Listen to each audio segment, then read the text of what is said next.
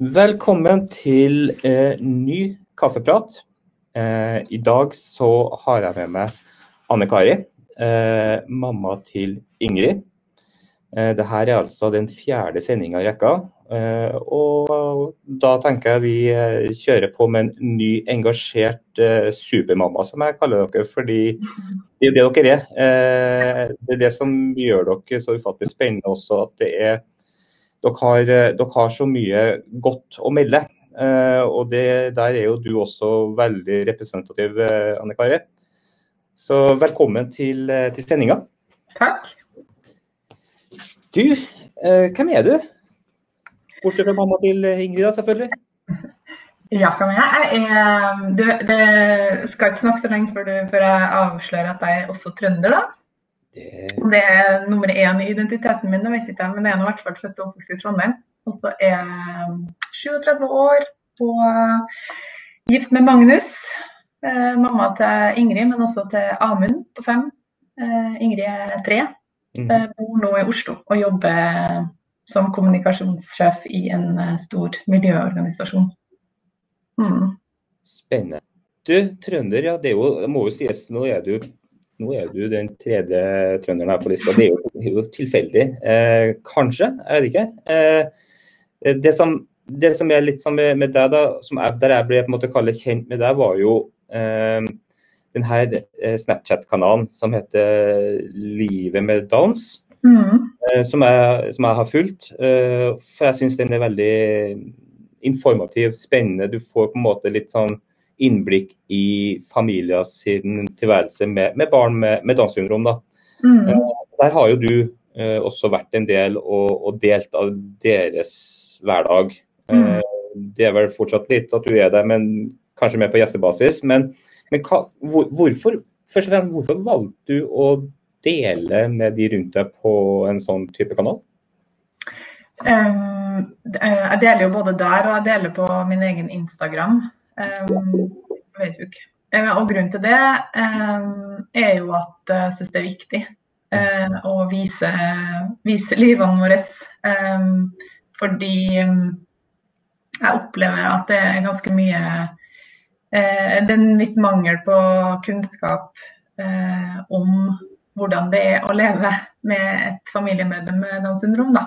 Mm. Sånn at da det initiativet um, dukka opp, og og jeg ble, ja, blant, var blant flere som ble spurt om jeg kunne tenke meg å være med på det. Så var jeg ganske sånn kjapt utpå med å si at ja, det, det vil jeg veldig gjerne.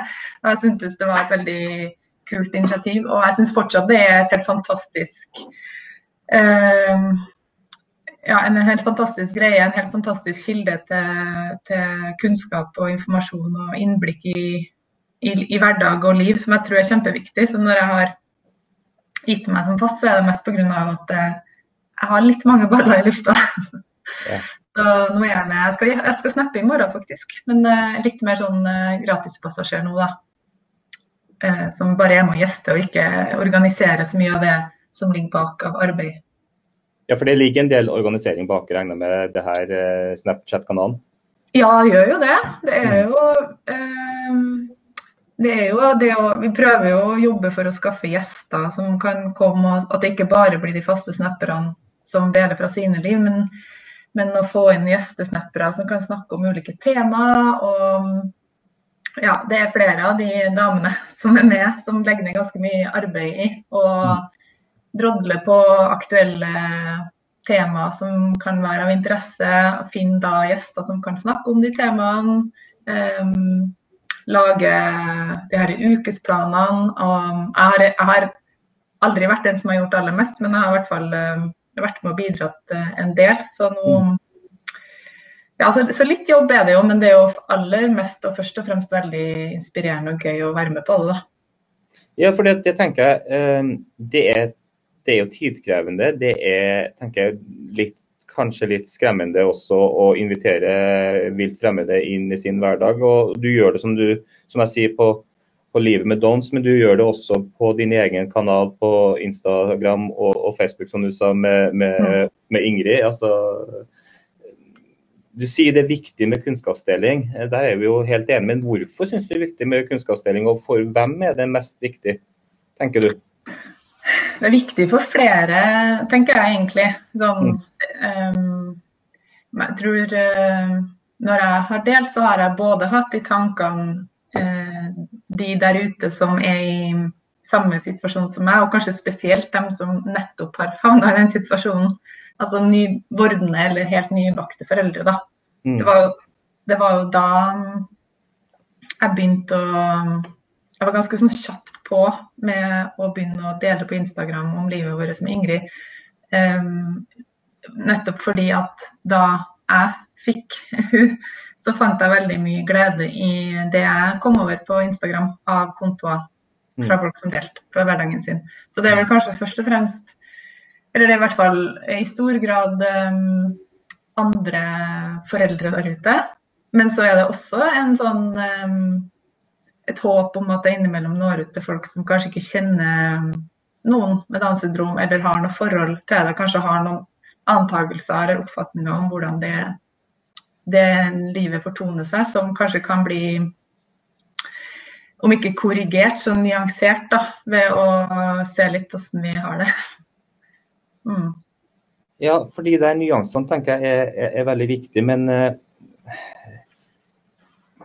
hva, hva, hva, tror du hva tror du de her For det, er jo ikke så Det har jo ikke holdt på så veldig lenge, det her, denne kanalen, men, men, det er jo klart som du sier, du, du er med på det, eller andre er med på det. Hva, hva ga det deg når du på en måte begynte å følge ulike som delt fra sin hverdag? da?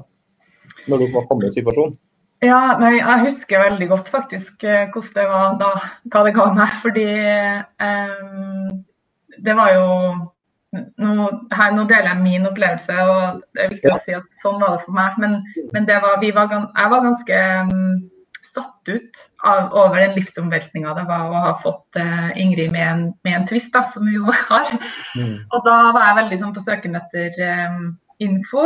Um, og som vi alle vet, så var det jo på Google så får du jo stort sett helseinformasjon. Uh, og på det var noen pamfletter her. Vi fikk heldigvis eh, boka på, altså Sonomen på Ullevål, så fikk vi 'Livet med Marikken' av Eivind Eidslott, som jo er lest ut tror jeg, på tre timer. Mm. Men så var det liksom det derre OK, men Altså, jeg hadde aldri sett en baby med Downs syndrom før. Jeg hadde ikke jeg hadde, ja.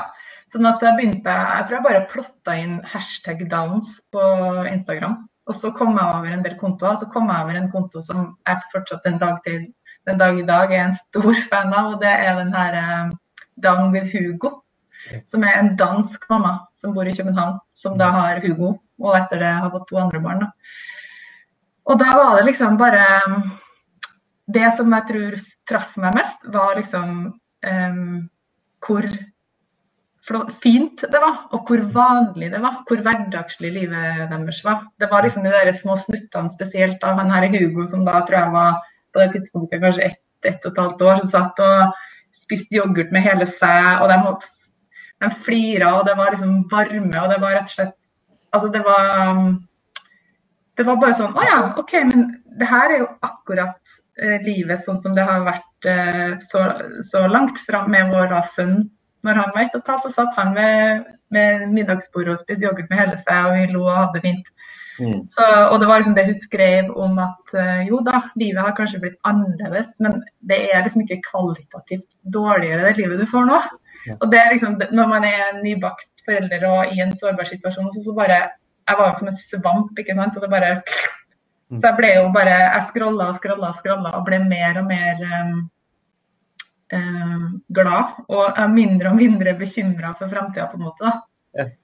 Så det var litt, det er liksom og så tenkte jeg, ja, Hvis det har så stor kraft, det å bare dele en 30 sekunders snutt fra middagsbordet, så må jeg jo bare gjøre det, jeg òg, tenkte jeg. og det der er jo ufattelig fint at du gjør, eh, og mange vil sikkert også si at du på en måte orker. Eh, men, men, jeg tenker det er jo viktig, eh, fordi du har erfart hvor viktig det var, og da er det mest sannsynlig veldig viktig for mange. Og så får du tenke sånn at hvis det hjelper for én av de som følger deg, så, så, er det verdt det. Mm. Og kunnskapsdeling, det tror jeg vi begge to på en måte brenner veldig for. Uh, og da tenker jeg litt også Du var jo altså du var på sultefòra på, på input, uh, informasjon. Um, og du fant det via sosiale medier og, og Instagram, og til og med en dansk uh, instagrammer. ikke sant? Føler du da at var det pga. mangel på informasjon du fikk uh, fra de som burde komme med den, eh, tenker kommune, organisasjoner etc., eller var det bare for at du ville ha mer?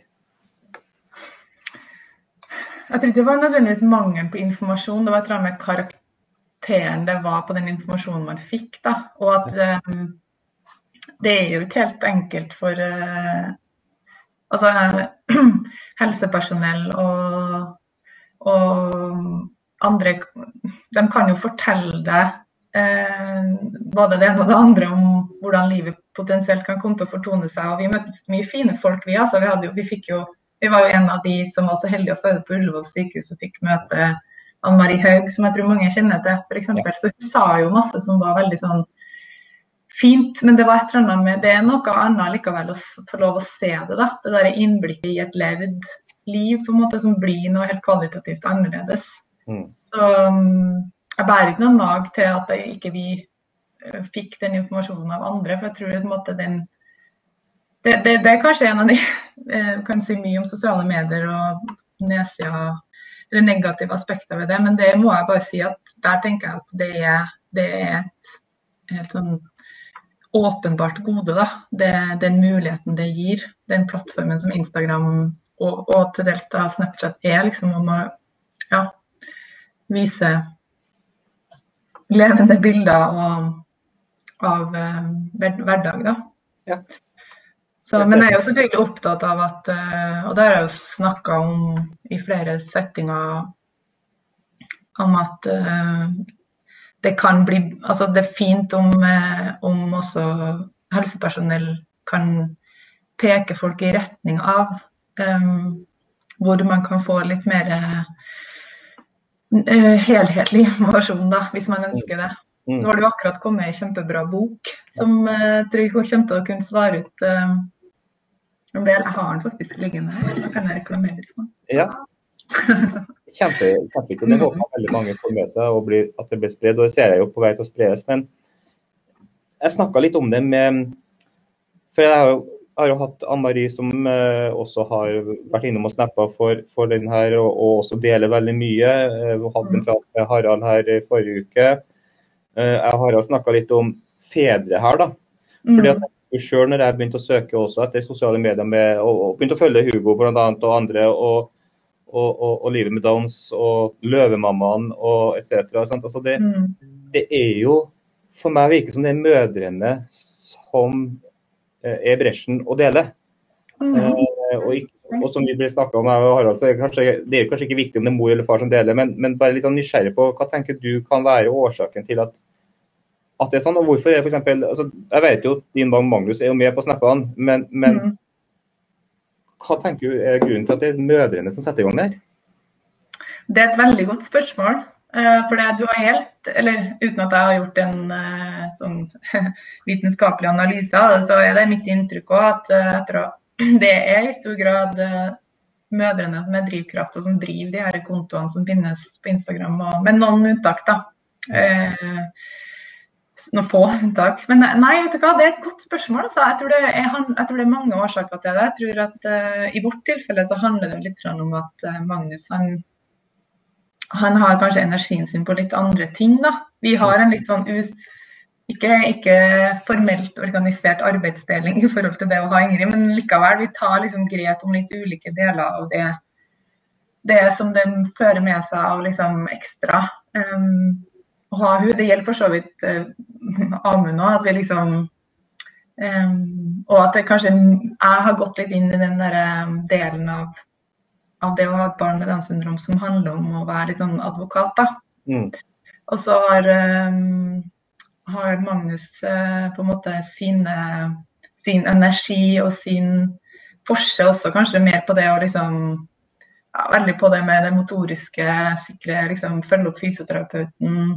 Um, mer sånn, han var den som liksom meldte på Ingrid på turn. Han er veldig opp, mer sånn opptatt av det uh, Han er liksom innenriksminister, hvis du skjønner. Og så er jeg ja, mer sånn utenriksminister. og kanskje det er sånn for flere. Ja. ja.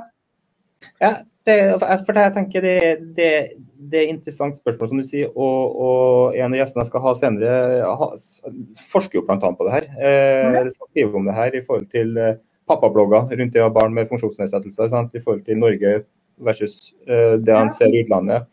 Eh, men jeg tror jo det du er inne på, det jeg kjenner meg litt igjen i forhold til det der med at man tar kanskje mer praktiske oppgavene. Mm. Eh, mens, mens, mødrene er kanskje flinke til å snakke eh, og dele. Eh, ja. og det, det, kan jo ligge noe der også, måten man mm. ønsker å måte, jobbe, bearbeide og jobbe med det. Mm. Og så tror jeg kanskje at det, det i vårt tilfelle i hvert fall, da, så er det litt sånn at um, jeg er nok litt uh, mer sånn um, Jeg tar veldig innover meg de samfunnsdebattene som ruller og går, f.eks. Sånn at og det, og det ser jeg litt eh, på mitt eget behov for å dele òg, at det, liksom, det, svinger litt i takt med hva som er den rådende tonen i samfunnsdebatten. Da. Sånn at eh, det, det, har jo vært særlig liksom, når det har vært etter, etter, at vi fikk Ingrid, så har det vært to runder med sånn fosterdiagnostikk, eh, abortdebatt um, og en runde med nå da med liksom, innlemming av uh, menneskerettigheter for for funksjonshemmede i lovverket og sånn. Og det som jo da skjer, er jo at liksom, debattene ruller, og så har jo alle debattene om kommentarfelt. Mm. Og der er liksom Mannen min er veldig flink til å bare han stenger det der ute. Han sier at det der orker ikke jeg forholde meg til. Det er liksom for vondt, det er for sårt, og det, har, det, kommer ikke noe godt ut av det. Mens jeg er jo, jeg er jo helt klarer ikke det, da. Og da og det er kanskje en sånn sterk driver i meg som kanskje ikke i like grad, stor grad påvirker han. Mm. Så det har vi hatt mye morsomme samtaler om, og liksom hvordan det er viktig at ikke For min del så er det nesten litt sånn at jeg må passe på at ikke det tar for mye krefter. Fordi ja. um, man kan rope høyt som høyt man bare vil, men uh, enkelte um, debatter er det kanskje bedre å bare liksom la være å ta. Så du ikke brenner ut lysene i alle ender, kanskje? Ja, det er litt det. For det engasjerte mennesker som, som, det du er, da, det er jo, dere går jo all in eh, når det er noe dere engasjerer dere på. og det som du sier, du jeg har jo fulgt, med, fulgt med deg på, på, det engasjementet ditt også, som, som også fascinerer meg, fascinerer meg. og jeg lurer liksom på når du da går inn i den bobla og blir påvirka av kommentarer f.eks., og, og, og de her diskusjonene som kommer i kommentarfeltet, hva er det som, hva er det som brenner i deg da? Du, hvorfor blir du så lysten på å engasjere deg videre der i, i de kommentarene? Og hvem er det som har de kommentarene? Det er også litt interessant. Nei, det er, mye, det er mange som har gått på livets harde skole, f.eks. Nei da. Det er mye forskjellige folk, det, altså. Men um, jeg tror det som er det som, eh, som i hvert fall har eh, frustrert meg mest, er jo at eh, det er ganske sånn gjennomgående opplever at det er mennesker som lever, som mener veldig sterkt om noe de har mye mindre innsikt i enn det jeg har. Altså, mm. det er så utrolig sterke meninger og oppfatninger om hvordan det er å leve et liv med et barn med Downs syndrom. Og, er, og vi da, som liksom står der og sier sånn Hei, du, vi, vi lever faktisk det livet. Kan, kan, vi få lov å komme med en, vår erfaring, så blir man veldig fort på en måte plassert i en eller annen bås. da Man er en solskinnshistorie. Man, man, man blir tillagt meninger som man egentlig ikke har. Um, og det, det, det, det derre um, å lese folk sine oppfatninger og antakelser om mitt barn da, i overført betydning, det er nok noe av det som gjør at jeg bare ikke klarer å la være noen gang. Men jeg blir flinkere og flinkere til å ikke uh, gå inn de gangene hvor jeg egentlig ikke tror at jeg kan nå igjennom, men hvor jeg liksom bare Ja. Og så lærer jeg masse, syns jeg, av uh, andre mødre og fedre som også er engasjert i debatter om liksom hvordan du skal ordlegge deg, og hvis du faktisk vil ha forståelse for ditt synspunkt. da. Fordi Vi trenger ikke å gå inn på det nå, men jeg tror nok at det, det er jo en utfordring det er jo litt utfordrende, særlig i norsk kontekst, at med en gang Eller det, debatten om hvordan det eller i, I debatten om fosterdiagnostikk så vil et forsøk på å fortelle hvordan det er å ha et barn med Downs syndrom veldig fort bli tolka som et innlegg mot abort, hvis du skjønner. Altså Det er noe sånn skyttergrav eh, tendens på gang som gjør det veldig vanskelig å, å ha den der interessante og spennende og viktige debatten som egentlig befinner seg i midten der. Ja. Så, Nyansene. Mm, det er veldig lite plass for dem.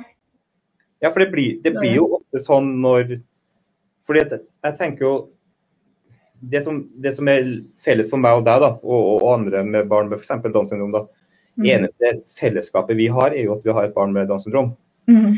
Og Det er jo krevende når du har eh, kanskje et mål om å oppnå f.eks. det som du brenner for nå med f.eks. da CRPD, som jeg har lært meg nå, altså mm.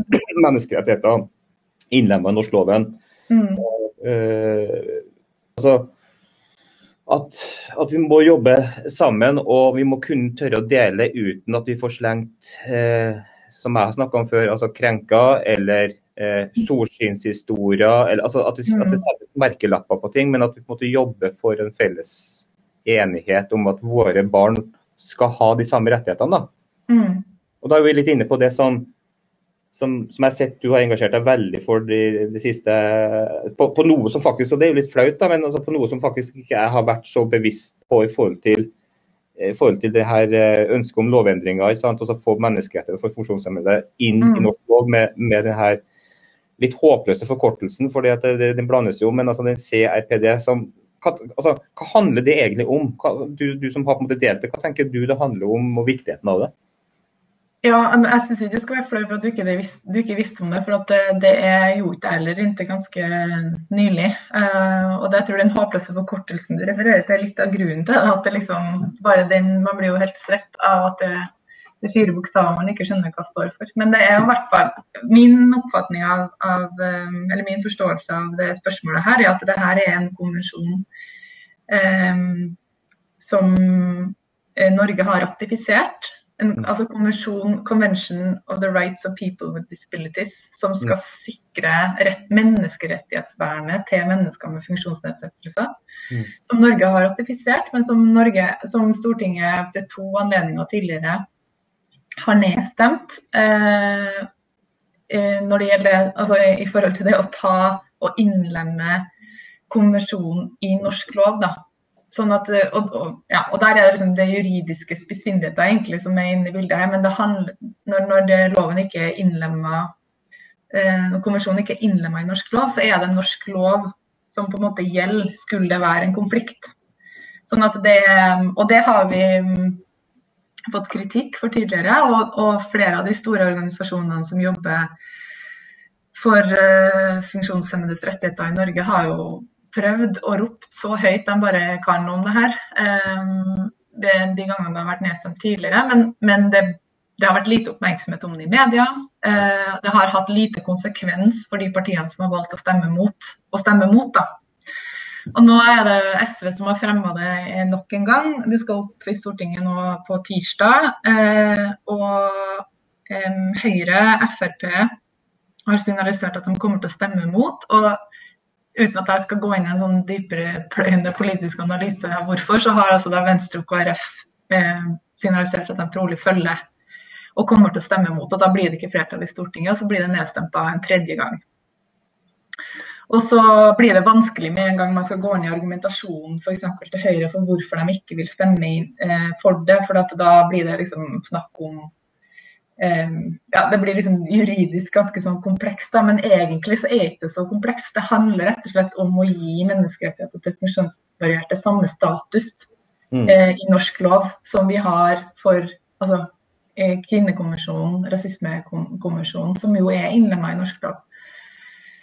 Så ja, så det må jeg bare si, det oppleves ganske frustrerende. Nå fikk jeg akkurat en SMS fra en journalist i TV 2 som skal eh, kanskje prøve å lage en sak på det her. Eh, ja. Så nå kan vi jo håpe da at eh, det blir litt oppmerksomhet om det den gangen her, og at fallhøyden politisk blir litt større. For jeg tror litt av problemet her er at um, det er ikke noe problem for parti, regjeringspartiene å stemme mot det. For det, det, får ikke noen konsekvenser for dem. Hvis de stemmer mot det, nei?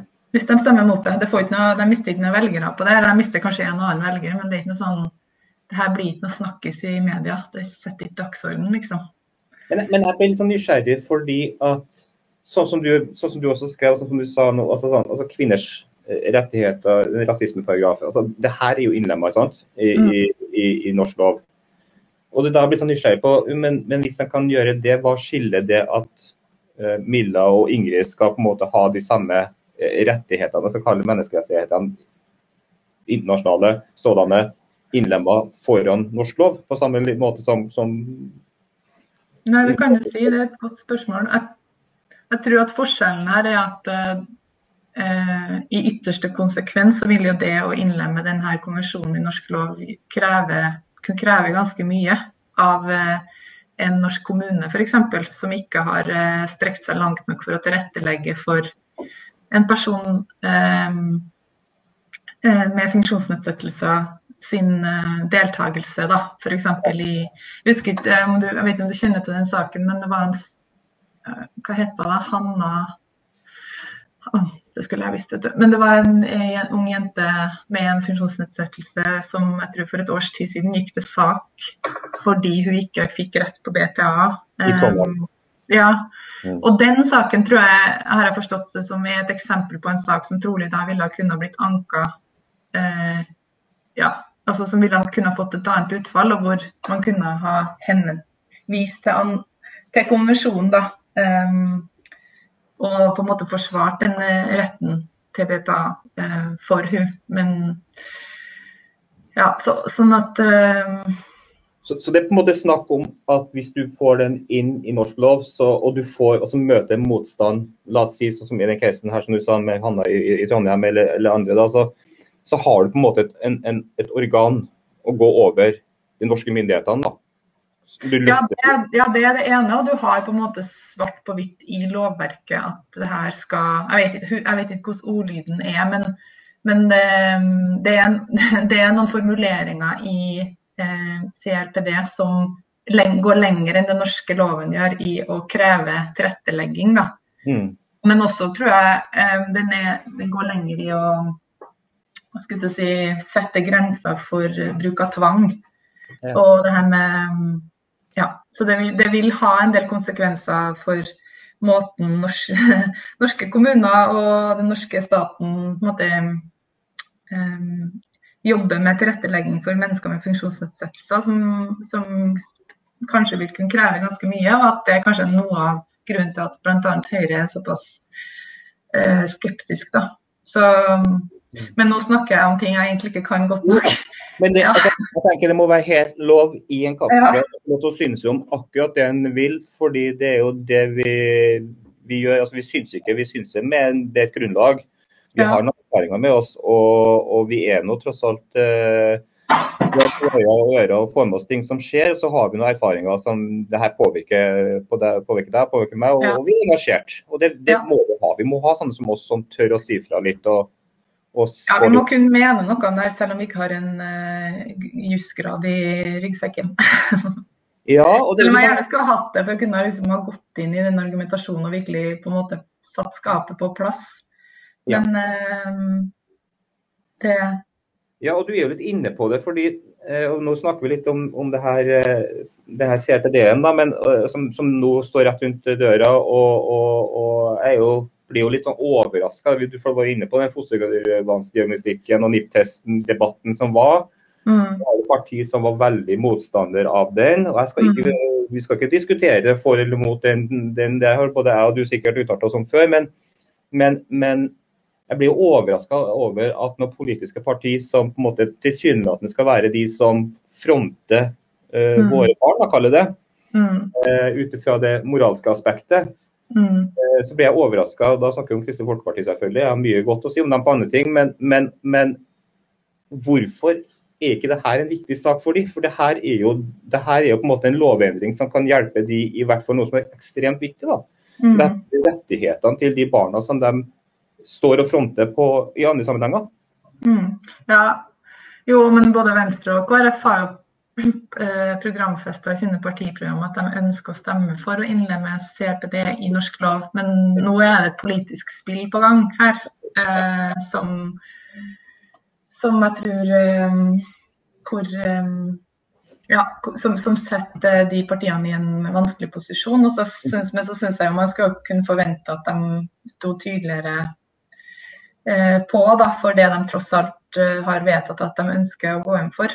Um, og det gjelder jo åpenbart KrF, som for å sitere Marianne Knutsen, som er en utrolig kul punkisaktivist, som sa at de snakker på innpust og utpust om altså retten til å, å, komme inn i verden selv om du ikke er funksjonsnormativ. Altså, Men mm. når det kommer til stykket og man skal liksom innlemme det som er en veldig viktig rettighet for de menneskene, så er man Bekkemann. Og er Venstre med likestillingsministeren og, og Trine Skei Grande, som har markert seg så tydelig i de spørsmålene her tidligere. Så det, nei, man sitter jo bare og klør seg i hodet og lurer på hva i all verden er det som skjer? du får jo en følelse av at, at Milla og, og, Ingrid da kanskje ikke er så viktig å kjempe for. da. Det er jo, altså, det er jo den følelsen du litt sånn satt på spissen, selvfølgelig. Altså, det er jo den følelsen du sitter med når eh, en sak som er såpass viktig. fordi det her vet vi i forhold til kamper hvor viktig det er å ha eh, lovparagrafer, men også ankeorgan som mm. kanskje går over det, det, som er nærmest oss.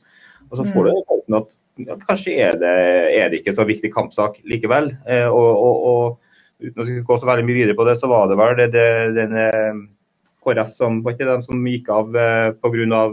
gasskraft, eller eh, altså, Det var vel noe miljømessig som gjorde at de gikk av sist gang, var det ikke det? Mm. Jo, det stemmer, tror jeg.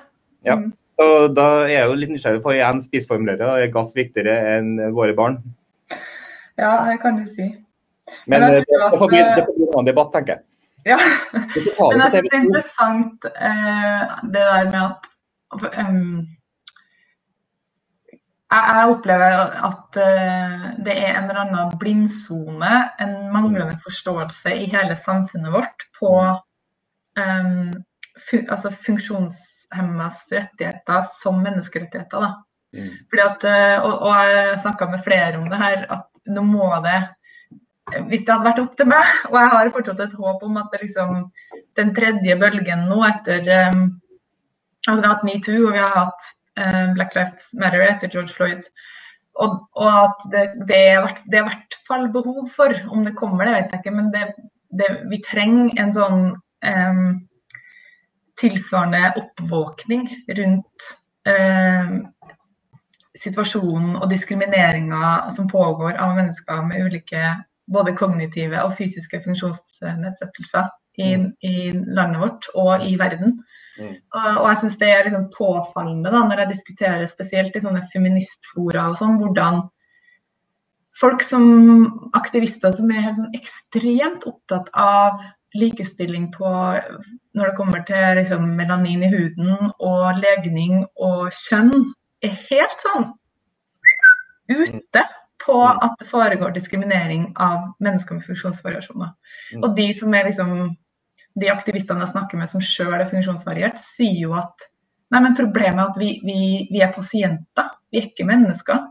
Og den der funksjonsnedsettelsen, det får du takke deg sjøl for. Liksom. Det er ikke min skyld at du har eh, havna i rullestol. Du, det, har, mm. altså det er en eller annen sånn Opplever jeg, da, nå sier jeg det kanskje litt spissformulert, men det er rett og slett altfor mange rundt oss som ikke forstår at Um, det å ha en funksjonsvariasjon og det å bli diskriminert pga. en funksjonsvariasjon er akkurat like eh, uakseptabelt og problematisk som å bli diskriminert pga. andre, altså legningen min eller mm. Ja. Og det foregår eh, De som kan mye om det her og jobber med det her i det daglige, sier jo at eh, det, altså det foregår så mye overtramp, overgrep og menneskerettighetsbrudd mm. i landet vårt as we speak mm. mot mennesker med funksjonsnedsettelser, som, som at det, liksom, det, er en skam. Ja. Og det er jo ikke akkurat lystig å tenke på når man tenker på framtida til barnet sitt. Da, og liksom, man er jo, jeg tenker jo sånn, jeg er jo her og klar for å på en måte følge med og kjempe for Ingrid, men, men jeg kan bli ganske sliten hvis mm. hele veien skal være en sånn kamp mot et system som ikke egentlig ivaretar. da. Mm. Så det ja, Du har det jo innenfor, eh, så langt jeg vet, innenfor arbeid, eh, innenfor mm. utdanning, eh, rettigheter, muligheter, mm. boforhold. Mm. Ikke minst boforhold. veldig prisgitt uh, igjen da, hvor du bor. Mm. Uh, og, og, som jeg snakka litt med, med, Hilde i første programmet, for hun, hun, kan jo ganske mye om det her med rettigheter. og, og og da sier hun at det handler jo ikke om systemet. Det handler kanskje heller ikke om hvor du bor, men det handler om menneskene du møter. Eh, og, og, vi må rett og slett bare, sånn som vi innleda med å si, altså, jeg tror den, den delinga du gjør, den delinga disse Snapchat-gruppene gjør, jo mer mødre og fedre deler av sin hverdag, normaliserer det, mm. så får vi også kanskje opp øynene til mennesker som jobber med våre barn. Fordi både mm. jeg og du har sikkert opplevd også det at eh, vi blir jo møtt med individ, nei, vi blir jo møtt med diagnosen før de møter individet eh, mm. i ulike sammenhenger. Om det er noe vi har behov for innenfor utdanning eller hjelpemiddel eller, eller eh, hva det skal være, så er det jo mm. diagnosen de starter med å snakke om før de ser egentlig Ingrid og Milla og andre. ikke sant? Mm.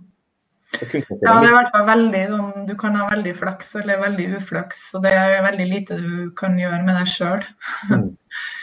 så det tror jeg Ja, nå vet jeg det, ja, det, det, kunne vært et eget tema det, for en egen prat, det her med hvor forskjellig hvor lite forutsigbarhet det er, og hvor forskjellig det er hva man har, hva man får og ikke får av hjelpemidler, hva slags oppfølging barnet får. Mm. Det, det, er kilde til mye frustrasjon i, hos mange. Ja. Hvordan har den veien vært for dere? Altså, nå er jo ikke Ingrid mer enn tre år, da, altså, jeg si bare, men altså, det er jo tre år med erfaring. Og, og, ja. og, og hvordan har den vært så langt, hvis du tenker da på den biten i forhold til å bli møtt med, bli møtt med åpne armer og, og se Ingrid bli sett, eller er det diagnosen og stengte dører? Nei, altså vi har vært ganske heldige, syns jeg da. Sånn all over, ja. Vi har havna i en bydel hvor eh, vi har møtt på mye fine folk. Um, og vi har um, en spesialpedagog i bydelen her som er utdanna Karlstad-veileder. Mm. Uh, og det, det, er noe med det grunnsynet i Karlstad-modellen som, som, er veldig positivt i så måte. Og det, det har jo på en måte smitta litt over på de som andre også som jobber rundt um, Ingrid. da. Mm. Så vi har um, Og vi har jo uh, vi hadde jo god hjelp. Uh, eller vi fikk jo tilslag på Millasfest med en gang. Ja. Uh, heldigvis. veldig frustrerende å se hvor mange oppe i Trøndelag nå som ikke får det. Um, og vi har stort sett um, hatt veldig god hjelp og veldig god oppfølging. Og så er det selvfølgelig ja, sånt, sånne noen hva skal jeg kalle det, bumps in the road. da, At mm. um, ting uh, Det er begrensa med pengesekker, det er begrensa med timer. Um, vi, sånn som når pandemien brøt ut og det var krevende å skulle um, gå mellom avdelinger, så var vi plutselig i en situasjon hvor Ingrid ikke hadde noe støtte i barnehagen tre av fem dager i uka. Og så er det ikke vond vilje eller mangelen på ønske om å løse ting, men det er liksom rett og slett at uh, ja, det, så, så, noen utfordringer er det selvfølgelig innimellom, men, men jeg tror jeg føler sånn summa summarum at vi foreløpig har vært ganske heldige, da. Og det er jeg veldig glad for. Mm. Er det noe du skulle gjerne Og, og, og nå har vi snakka om du, du, begynte jo på en måte å søke eh, på, på historier rundt det med Downs syndrom. Men altså, er det noe du skulle gjerne visst i, den gangen for tre år siden som du vet i dag? Da tenker jeg sånn generelt også, ikke bare noe spesifikt, men gjerne det òg. Men, men, er det ting du ja. tenker det skal jeg visst? Ja, masse. Mm. Eh, og det viktigste, det som jeg prøver å formidle de gangene jeg blir kontakta av folk som er, gjerne mødre, som nettopp mm. har fått et barn med Downs syndrom og er bekymra og stressa og lei seg, da pleier jeg å si at eh, det går eh, det går litt tid. Det er litt individuelt hvor lang tid det går, men, men jeg kan si med 99,9 sikkerhet at eh, om en stund så kommer ikke det å ha fått et barn med Downs syndrom til å være noe du eh, føler noe Altså er noe lei deg for. Nei. At livet, det Altså, det er så sant, det, det som foreldre til litt eldre barn med Downs syndrom sier at det blir en parentes i hverdagen din, i livet ditt, og det er ikke en, en altså det er ikke en kilde til noe negativt. Det er bare noe Jeg pleier å si at det er liksom en tvist på ting som, som kan være utfordrende noen ganger. Litt ref det vi akkurat prata om, at det, liksom, du, det, krever noe ekstra. Hvis du da ikke møter på instanser som hjelper deg på vei, så kan det være frustrerende. Men barnet i seg sjøl, og det å ha et barn med, med en diagnose som det Downs syndrom er, er, er ikke noe å frykte. Det skulle jeg ønske at jeg visste. For jeg var veldig sånn, litt sånn dramatisk eh, noen uker etter den fødselen og tenkte at uh, det var slutten på livet som vi kjente, og liksom, ting kom aldri til å bli sånn som vi hadde ønska det. Og jeg husker jeg fyra av gårde en melding til lillesøstera mi, en litt sånn melodramatisk melding en morgen i djupsnøen på vei til barnehagen om at liksom, jeg tror aldri at jeg og Magnus kommer til å bli lykkelige igjen. sånn sånn ordentlig lykkelig. Mm. Men jeg kunne ikke ha tatt mer feil. Um, så det tenker jeg det skulle jeg gjerne ha. Fått et sånn blikk inn i sånne krystallkuler og bare Å ja, vi kommer til å ha det sånn. Mm. Det kommer til å gå, det kommer til å gå kjempebra. Ja. Mm. Det tror jeg er viktig å tenke. Og ja. tror jeg er mange som kjenner seg igjen i eh, det er den der sjokket. Også når du bare kommer over det, så ordner det seg. Men du, du trenger også å få det fortalt, da. Eh, ja. Og, og, men igjen så tror jeg vi, vi, er inne på det også i forhold til den eh, forhåpentligvis jeg skal stemme igjennom, men som kanskje ser litt mørkt ut. Det er jo også det å vite at du har eh, lovverket med deg, og at du har eh, muligheten til å, å, få Altså det stilles til mm. krav da, til det offentlige, til at våre barn Altså at vi kan være foreldre. Og ikke, ja. du, for du var inne på det med en bok som jeg mener bør inn i skoleverket i forhold til de som skal jobbe med våre barn. altså Boka til Eidslott i forhold til livet med Marken. Mm. Så husker jeg også leste den, og, og, og jeg vet veldig merke i det han sa med at du må både være eh, jurist, eh, journalist, eh, mm. pedagog, eh, mm. spesialpedagog. altså du må, du må på en måte plutselig ha alle rollene, da, fordi det, det er det er ikke sikkert at de er der når du trenger dem. Nei. Og Sånn skal det jo ikke være. sant? Det, det skal jo, vi skal jo bare være foreldre, det er jo det vi skal være. Kun det. Mm. Ja, det er et veldig godt poeng. At det, det, er mm. vel kanskje det som er utfordrende i perioder. At man, at man føler Eller jeg har i hvert fall følt på det at um, det koster å skulle være um, Jeg har heldigvis ikke trengt å være sånn veldig mye jurist eller saksbehandler, men, men um, ja, pedagog. Eh, og ja, det er den biten der som, mm. som, eh, som, gjør at ting blir litt eh, i perioder litt mer krevende, da. Mm. Og den der følelsen av at Eller det konstante spørsmålet som ligger og vaker i bakhodet. Gjør jeg nok ja. for å makse potensialet for barnet mitt? Mm. Um, burde jeg ha gjort mer. Jeg kunne ha lagt inn flere tegn i går kveld. Jeg kunne ha jobba mm. med kvelds, kveldsmaten. Det blir mye for mye iPad. Altså sånn Hele den der som jeg syns er vanskelig å, i perioder å legge fra seg. da. Mm. Kanskje spesielt i perioder hvor utviklinga kanskje ikke går så fort fremover. For at uh, når det skjer mye, så er det bare sånn liksom, Vi er i rute, det her ordner seg. Mens i perioder hvor det da plutselig ikke kommer noen nye ord, eller skjer noen nye, man ikke når noen nye motoriske milepæler, så blir jeg litt sånn Kan jeg bli litt stressa. ja. Det ser jeg. Og jeg tenker og det, Jeg vet ikke om du tenker det samme, men jeg tenker språk. Mm. Jeg skal ikke snakke om Mila Cess, eh, men jeg skal snakke om jeg tenker, eh, Språket er jo på en måte det som vi måles i forhold til eh, utviklingsgrad. Mm. Det å kommunisere gi frihet. Og vi ønsker mm. at våre barn skal på en måte få et godt språk, sånn at de kan kommunisere. Du vet jo sikkert du som meg at når vi får disse barna, så er det første vi spør om, er jo nesten vil eller vil prate som meg. Ja. Det er jo det, er jo det, liksom det gjengse spørsmålet. og, og det, Hva tenker du rundt det, da? Er det noe som du tenker deg på? Ja, jeg tenker masse rundt det. Eh, og jeg har eh, vært veldig opptatt av om om det språket kommer til å komme. og og liksom jobber jo, vi jobber jo bevisst for at det skal gjøre det. Og så går det jo ikke ras, rasende fort med Ingrid. Hun er jo liksom eh, Det er absolutt mye babling der, og mm. viljen er der og uttrykker masse. Men eh, det, det, er veldig interessant å se liksom, forskjellen på hvordan det var med storebroren. da, Hvor det liksom bare På et tidspunkt så bare sa det, altså rasa det ut. Ja.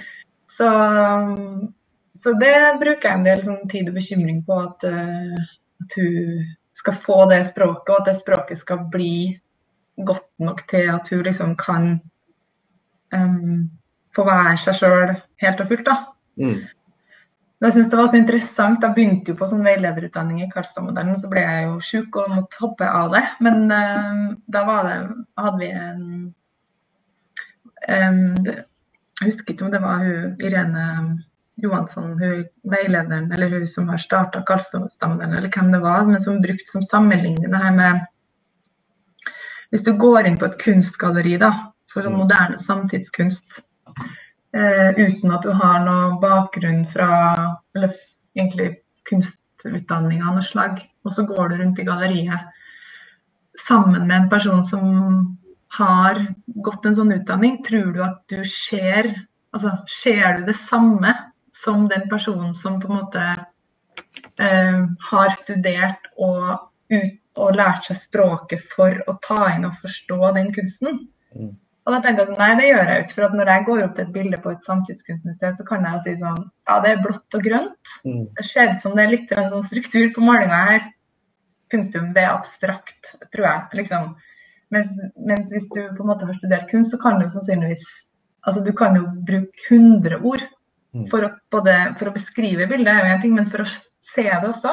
Mm. Og Det er litt det samme jeg tenker på med språket og verden. da, at Hvis ikke Ingrid har begreper for å forstå forskjellen på en frosk og en padde, så kommer jeg aldri til å se at det er forskjell på det heller. Skjønner du? Dårlig eksempel, men Jo, nei, jeg kjenner, ja. så jeg er veldig opptatt av det der. Men jeg, og, um, jeg håper og tror at det kommer etter hvert, men uh, vi får se. Jeg må jo si, jeg var jo innom, innom Instagram-kontoen din i går. ikke sant? Mm. Opp med Ingrid, og, og, og, og, så hun satt ved matbordet og, og babla, babla vei. og Jeg, jeg, på en måte fikk jo en flashback tilbake til Milla når hun var på samme alder. Ja. Den der og all energien og alt hun på en måte vil uh, formidle. Ja. Det, det, er jo bare herlig. Og så må du bare, som jeg tenker du er inne på, altså, du må bare tenke at uh, det kommer. Ja. Uh, skuldrene, og så bare det, Altså hun viser jo at hun vil, og det er jo den ja. viljen som er så viktig. Det vil hun. Ja. Det er mye, og det er mye kommunikasjon uten at det nødvendigvis er ord som gir mening. Og det er masse det, intonasjon og språklyd. Og, så det er jo utrolig det, Og når jeg ikke har ordene å fylle på imellom der, så har jeg laget seg noen lyder som jeg kjører liksom. Og så kanskje går inn på landing på etti, som er spagetti. da. Så det, ja. Nei, det men det kan jeg si deg at Hvis jeg hadde visst at det kom, så hadde jeg kanskje kunnet kose meg mer med det. Nå er det sånn, ja, det er koselig og artig, og sånn, men det er sånn ja. Å. ja.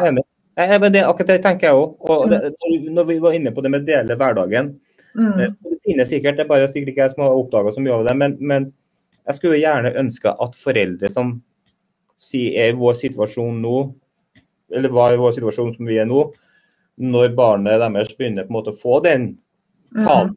Det er med støtte av tegn eller symboler, men de begynner å få mer og mer tale. Og du ser de kan holde en samtale nesten. For det, det vet vi jo, mhm. det ser vi jo eh, når det deles videoer bl.a. på NNDS med, med, med, barn med Downs som er kanskje 12, 13, 20 etc. Vi skulle gjerne ønske litt mer kanskje litt mer deling av den hverdagen også, og, og, og, og hørt litt mer hvordan, hvordan den veien har vært. fordi jeg tror språk er en veldig sånn, viktig faktor for, eh, for, eh, bekymring, kanskje, som, og kanskje mm. unødvendig bekymring. Ja. Men så prøver jeg altså å minne meg sjøl om at språk kommer jo i mange varianter, og at, og at liksom, tegnspråk er jo så definitivt også språk. Så det er jo liksom ikke backa på det at Helt riktig. At, uh, um, at hun kan få et rikt språk selv om hun ikke nødvendigvis får det verbalt. Da. Det, er jo også viktig å huske på. Um, jeg har jo stor glede av det allerede nå. altså Hun har jo tidobbelt så stort vokabular pga. de tegnene. Mm. Um, og det ville hun fortsatt kanskje ha. Jeg husker noe jeg som sa at til og med opp i sånn 12-13-årsalderen, og lenge etter at språket egentlig var liksom ganske sånn velutvikla, så kunne kun tolvåringen liksom innimellom ta i bruk et tegn hvis det var noe som I liksom ulike settinger var behov for å understreke, eller hvis noe skulle bli sagt på engelsk, eller hvis det var et ord som falt litt vanskelig i munnen, så, så kom det plutselig mm. kom det et tegn igjen. da. Så det, det er jo viktig å ikke glemme det òg, altså. Det der tror jeg er veldig viktig, som du sier, for det, og det, det, tar jeg meg selv i også. Uh, for vi higer jo etter noe, men vi må ikke hige så voldsomt at vi glemmer at faktisk barna har en kommunikasjonsform. Den er der. Ja. Uh, det, det, er vi rundt som må på en måte bli flinke til å forstå det. og og Det er jo en debatt innenfor det med ASK, altså alternativ disiplinerende kommunikasjon, også i politisk på, på linje nå med, med, med CRPD-en. Altså, mm. det må å, å, å, å, få det inn som et anerkjent språk. Mm. Uh, og, og, jeg skulle gjerne ønske ofte at de som sitter og forvalter også det, da, uh, mm. kunne få teipa igjen munnen. Mm. En par dager, ikke en dag, men et par dager. Og så prøvd å mm. gjøre det godt. Mm. Eh, fordi det, det, det, er en åpenbar eh, utfordring. Men det er mm. også en berikelse for de som er gode på ASK, da, om det så er tegn eller om det er symbolkommunikasjon. Mm. De, de, har jo et språk, men de må få lov til å få det ut. Og da må vi, mm. språkmiljøet, vi må faktisk bruke det. Mm. Ja, jeg tenker det gjelder jo samme tilnærminga til det der som det gjør til alle andre former for funksjonsnedsettelse. At mm. den, det er ikke en iboende det, du, du, har ikke en funksjonsnedsettelse i deg sjøl. Den oppstår jo i møte med et samfunn eller et, eh, en gruppe mennesker som ikke eh, tilrettelegger for at du skal kunne fungere mm, med den funksjonsnedsettelsen. Altså sånn, det er ikke noe problem å sitte i rullestol hvis det, hvis, hvis det, er tilrettelagt i butikken til at du kan komme deg inn og ut og få tak i de varene du trenger. Mm. På det nivået. Det er ikke noe problem å ikke ha et verbalt språk hvis de settingene du skal inn i, eh, har altså det er forutsetninger for at du kan gjøre det forstått med det språket du har. Så, mm. sånn at, eh, men der og ja. Det er sikkert altså det er et stort lerret å bleke og det er en lang vei å gå for å skape den forståelsen, tror jeg, om at um, den tilrettelegginga, den bør vi kunne forvente. Ja. Jeg husker jeg fikk ikke med meg noe Tusvik og Tønne som harselerte noe med at det har blitt ansatt en ny direktør for et, et døveteater som ikke mestra tegnspråk. Mm. Det er interessant. Mm. Det hadde blitt ramaskrik hvis man hadde gjort noe tilsvarende på, på andre områder. Mm. Så ja. Men nei, språk er spennende. Og det er jo artig, da. Man, jo, man lærer jo mye sjøl òg av å få være med på den språkreisen til barnet sitt. Mm. Så det prøver jeg også å tenke på det. at liksom Venninna mi sa det til meg at herregud, du har jo lært deg masse, da. Fordi hun har drevet og tatt noe sånn etterutdanning. Så jeg, du, du, har jo egentlig tatt en etterutdanning du òg, sier. Du, jo, du har jo blitt firespråklig. Du har lært deg tegnspråk. Eller som du har lært deg tegnspråk. Så det er mm. sant. Mm. Kompetanseheving. Ja, nei, altså vi, vi, blir jo, vi blir jo eh, noen sinnssyke ressurser, vi. Ja, vi gjør det faktisk. Det er det vi gjør. Ja. Det, er bare, det er ikke alltid vi blir sett sånn. Men, eh, men, eh, men, det er helt riktig at mm. språk, er, språk, er, power, og det er jo det som Irene Johansson sier også. I, mm. altså, hun er opptatt av empowerment og mm. Individet og ja, det er vel egentlig det vi har vært litt innom i dag, om du snakker om solskinnshistorie eller ikke solskinnshistorie, eller menneskerettigheter, altså, eller, eller, hvordan det blir møtt. Ikke snakk om diagnoser, snakk om individene, individenes muligheter, og gi dem rett menneskerettigheter på lik linje som alle andre, som individ. Mm. Og Det tror jeg også er noe av kjernen i det Irene snakker om, også, som er veldig fin filosofi, som du sier. Ja. Du, ja. Nei, jeg jeg bare, jeg, bare, jeg, bare ser at, jeg bare, ser at, vi begynner å renne ut på tida.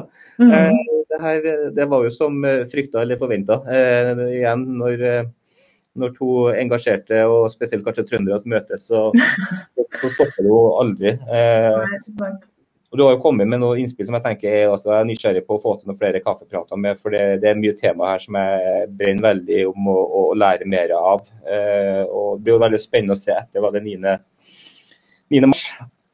Mm. Tirsdag. Tirsdag, ja. Hvordan det går. Ja, men det er bra. Kult fora, syns jeg.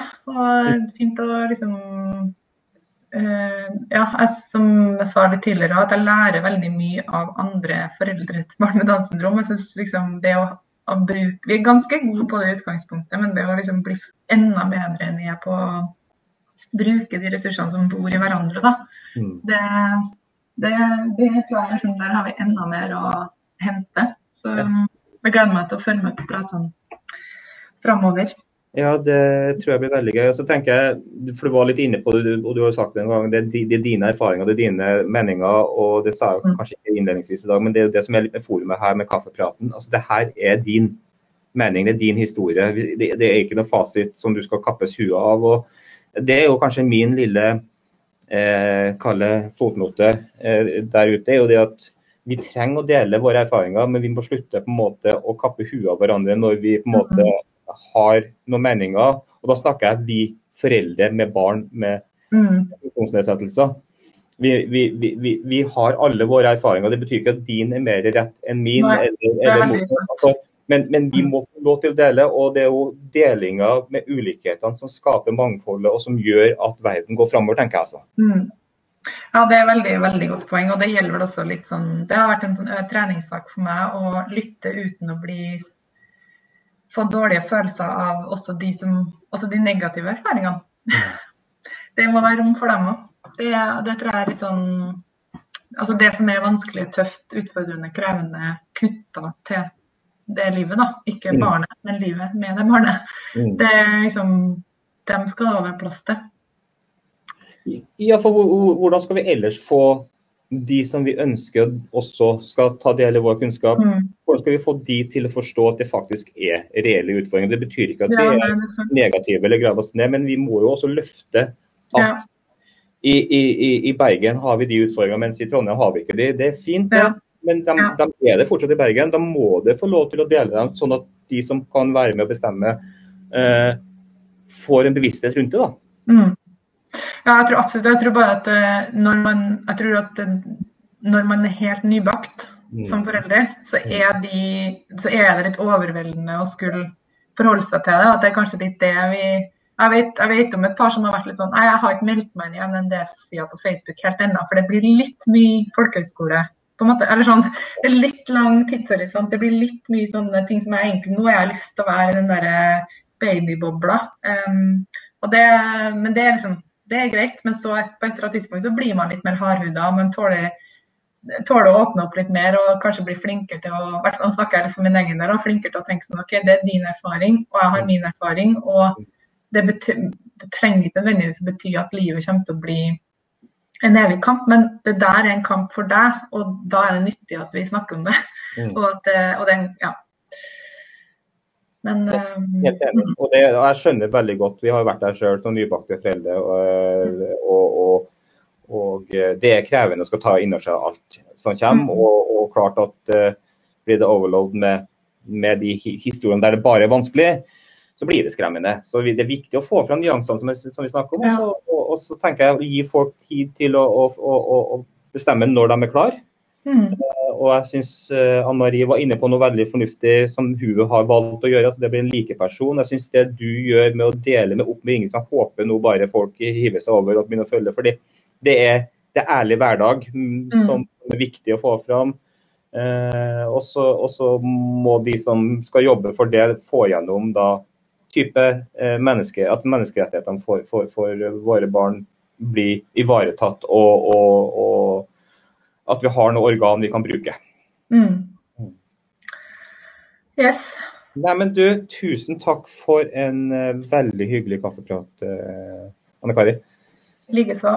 Så må du hilse inn til gutta og til Sitter på nabokontoret her. De gjør det. Det er vel hjemmekontor eh, på Østlandet, ikke Ja da, det er det. Du, ha en eh, fin dag videre. Ha det. Ha det.